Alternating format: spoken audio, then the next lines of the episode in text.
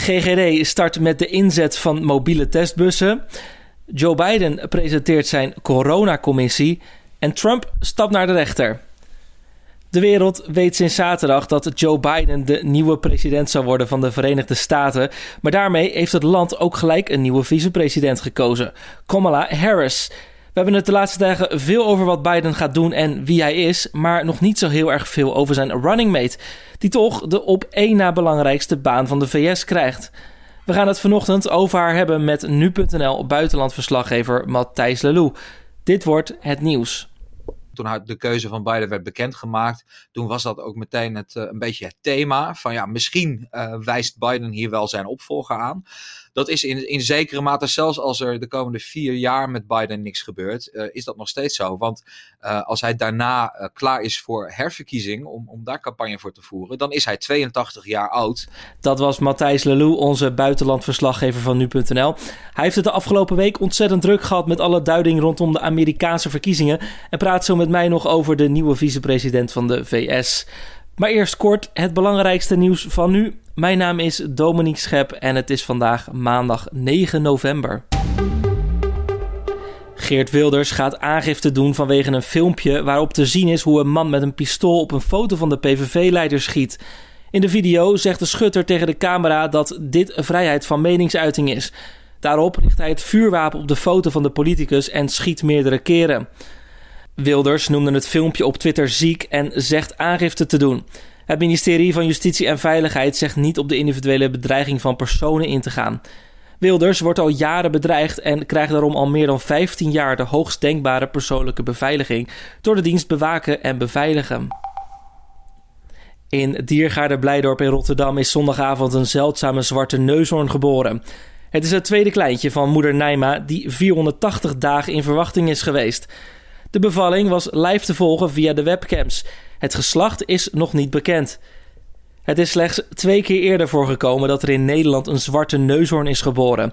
Beide geboortes vonden toen ook plaats in de Rotterdamse dierentuin. PSV heeft zondag met 3-0 gewonnen op eigen veld van Willem II in de Eredivisie. Hiermee blijven de Eindhovenaren in het spoor van koplopers Ajax en Vitesse. Willem II moest door een rode kaart van Derek Cohn in de tweede helft met een man minder spelen. Voor de Eindhovenaren is het de zesde zege in acht eredivisie-duels. De ploeg van trainer Roger Smit staat daarmee op de derde plaats. Twitter heeft sinds de Amerikaanse verkiezingen van afgelopen dinsdag 37% van alle tweets van president Donald Trump voorzien van een waarschuwingslabel. Het platform kondigde van tevoren aan dat de tweets met desinformatie over de verkiezingen van een waarschuwing zou voorzien. Twitter besloot uiteindelijk dat 16 van de 43 tweets die Trump sinds dinsdag verstuurde een label moest krijgen. Gebruikers kunnen de tweets alsnog zien door op dat label te drukken. Twitter liet tegelijkertijd ook weten dat vanaf 20 januari de president geen voorkeursbehandeling meer krijgt. Dat betekent onder andere dat tweets die in strijd zijn met het beleid van het platform niet per se meer voorzien worden van een waarschuwing, maar kunnen worden verwijderd. Nog meer Amerikaanse verkiezingen dan. De Amerikaanse presentator Anderson Cooper van CNN heeft zijn excuses aangeboden na uitspraken die hij deed over de Amerikaanse president. Op televisie omschreef hij Donald Trump als een schildpad met obesitas die op zijn rug in de zon ligt te spartelen, weten dat zijn tijd erop zit. Cooper zegt spijt te hebben van die woorden en zegt dat hij zich liet meeslepen in het moment. Dat is niet wie ik wil zijn, als dus de 53-jarige journalist. De presentator deed de uitspraken donderdagavond al nadat de president had beweerd dat er sprake was van verkiezingsfraude. Daar heeft Trump nog altijd geen bewijzen voor geleverd.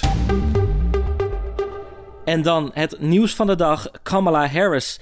Onthoud die naam, want zij is vanaf 20 januari 2021 de op één na belangrijkste persoon van de Verenigde Staten. Met de winst van Joe Biden is Kamala Harris vanaf dan namelijk de nieuwe vicepresident. Maar echt heel bekend is zij in ons land nog niet. We hebben het veel gehad over wie Joe Biden is en waar hij voor staat, maar nog eigenlijk nauwelijks over zijn running mate. Tijd om daar nu verandering in te brengen en daarom praat ik vanochtend met nu.nl buitenlandverslaggever Matthijs Lelou over Kamala Harris. Om maar meteen te openen met de belangrijkste vraag, Matthijs. Wie is Kamala Harris? Kamala Harris, uh, de dochter van een Jamaicaanse econoom en een Indiaanse uh, biomedische wetenschapper. Ehm, zij was, heeft een carrière die wordt gekenmerkt door een aantal firsts. Ze was namelijk de eerste vrouwelijke hoofdofficier van justitie in San Francisco. Werd daarna de eerste vrouwelijke procureur-generaal van de hele staat Californië. En um, zij ging daarna de politiek in, werd senator en uh, deed ook zelf een gooi naar het presidentschap. Uh, tijdens, die, uh, tijdens de democratische voorverkiezingen, in aanloop naar deze verkiezingen, was ze de directe concurrente van Joe Biden. Um, ja, goed, die strijd die verloor ze van Biden, maar ze werd vervolgens toch door hem gevraagd om zijn running mate te worden. Mm. En waarom is het zo bijzonder dat zij de vicepresident is geworden?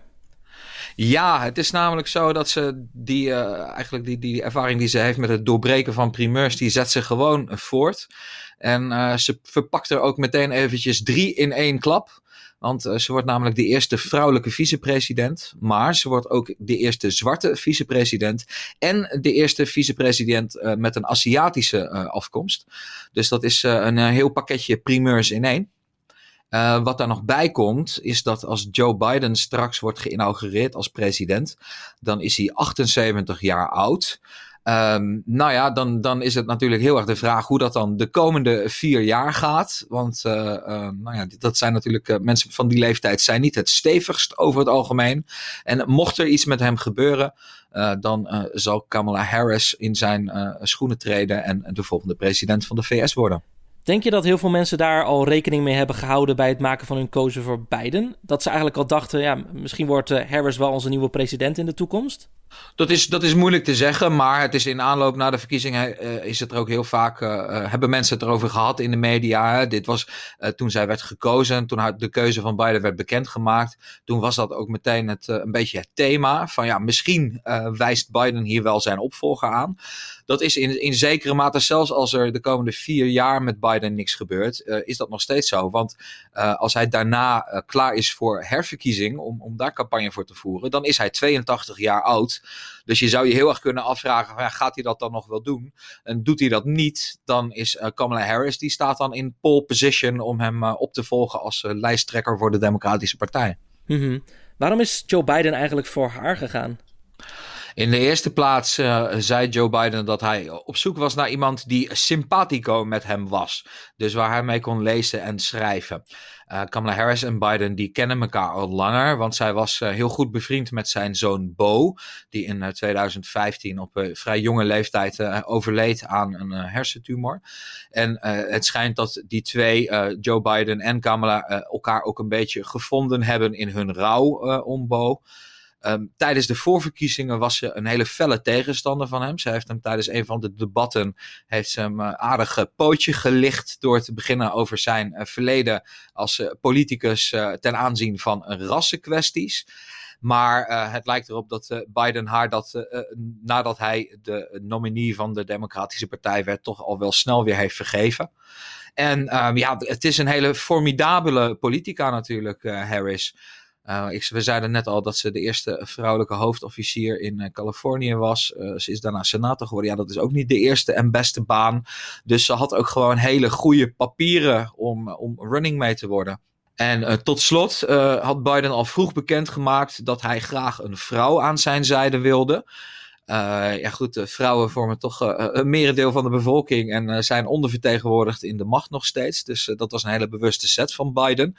Dat is een, uh, was er ook heel erg op gericht op het feit dat uh, vrouwen, zoals we ook komende weken in de papieren zullen kunnen zien, hebben veel vaker op Joe Biden gestemd dan mannen, die weer vaker voor Donald Trump gingen. Um, en wat daar nog bij kwam, is natuurlijk Kamala Harris, die, het is een, een zwarte Amerikaanse. Joe Biden, die is in zeer grote mate gesteund door de, de zwarte gemeenschap in de VS. Uh, zonder de zwarte gemeenschap uh, had hij de verkiezingen nooit gewonnen. En dan vooral zonder uh, zwarte democratische vrouwen. Die zijn echt de ruggengraat van de partij. Dus de keuze voor Harris die is ook zeker daar een tegemoetkoming naar hen. Om even terug te gaan naar hoe haar carrière verliep. Je begon net met te vertellen dat ze de eerste vrouwelijke procureur was van Californië. Uh, nu is ze de eerste vrouwelijke vicepresident. Uh, ze moet dus best wel heel ambitieus zijn, uh, neem ik zo aan. Hoe heeft zij zo succesvol kunnen worden? Wat is haar geheim? Nee, nou, ze heeft de, de, reputatie dat ze een micromanager is. dus dat ze echt op, op alle details zit. Ze is inderdaad heel ambitieus, altijd geweest. Um, en, en ja, goed, ja, uh, hoe zijn die mensen succesvol? Kei en keihard werken, uh, scherpe politieke instincten. En um, ja, goed, ze is eigenlijk een, aanklager van origine. En, en, ze heeft ook echt de vaardigheden die daarbij horen. Um, als zij mensen ondervroeg in de Senaat, als deel van, van, van, verschillende commissies, ja, dat, dan moest je stevig in je schoenen staan. Wilde je een beetje staande houden onder de, de scherpe vragen van Kamala Harris. Uh, daarom werd er ook in het eh, debat tegen vice-president Pence heel veel van haar verwacht. Maar goed, ze is toch, als ze de vragen van tevoren heel erg heeft kunnen voorbereiden, is het toch wat sterker dan als ze echt uh, reactief moet, moet debatteren. Maar ja, dit is gewoon een hele vaardige vrouw en, en, en, en dat heeft vrucht afgeworpen. Ik vind het dus altijd lastig om aan mensen uit te leggen wat een vicepresident nu precies doet. Je ziet ze altijd wel op het biljet staan. En we weten ook wel dat als er iets met de president gebeurt, uh, dat de vicepresident het overneemt. Maar wat is nu eigenlijk precies de, de exacte taakomschrijving van een vicepresident in de VS? Dat verschilt eigenlijk heel erg. Want, want wat je zegt, de eh, allereerste uh, rol, de allerbelangrijkste rol, is gewoon in, achter de schermen klaarstaan, mocht het nodig zijn, om het over te nemen voor de president. Uh, verder is er nog één andere formele rol, want de vicepresident die, is eigenlijk voorzitter van de Senaat. Dus uh, die mag in theorie mag die, uh, daar gaan zitten om een beetje een oogje te houden op wat er daar gebeurt. En uh, die krijgt de beslissende stem als er sprake is van een padstelling bij een stemming in de Senaat.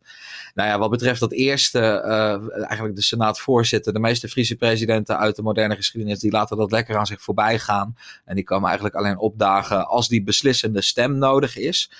Verder uh, hangt het er heel erg van af wat de president, de vicepresident toestaat. Er zijn vicepresidenten geweest die uh, eigenlijk uh, in een kamertje achteraf zaten en nooit ergens bij kwamen kijken.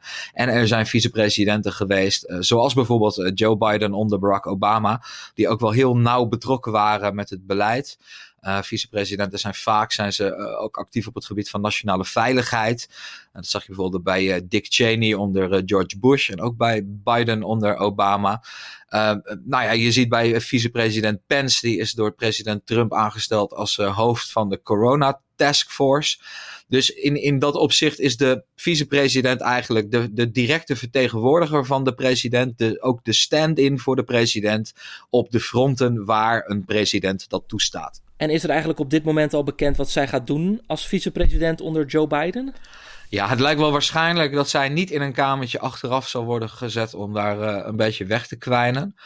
Waar uh, Harris zich precies op zal gaan richten uh, in de regering Biden, dat zullen we nog even moeten afwachten. Maar we weten wel van haar dat zij een stuk progressiever is dan Joe Biden. Als senator was zij een van de meest links stemmende senatoren in de Democratische Partij.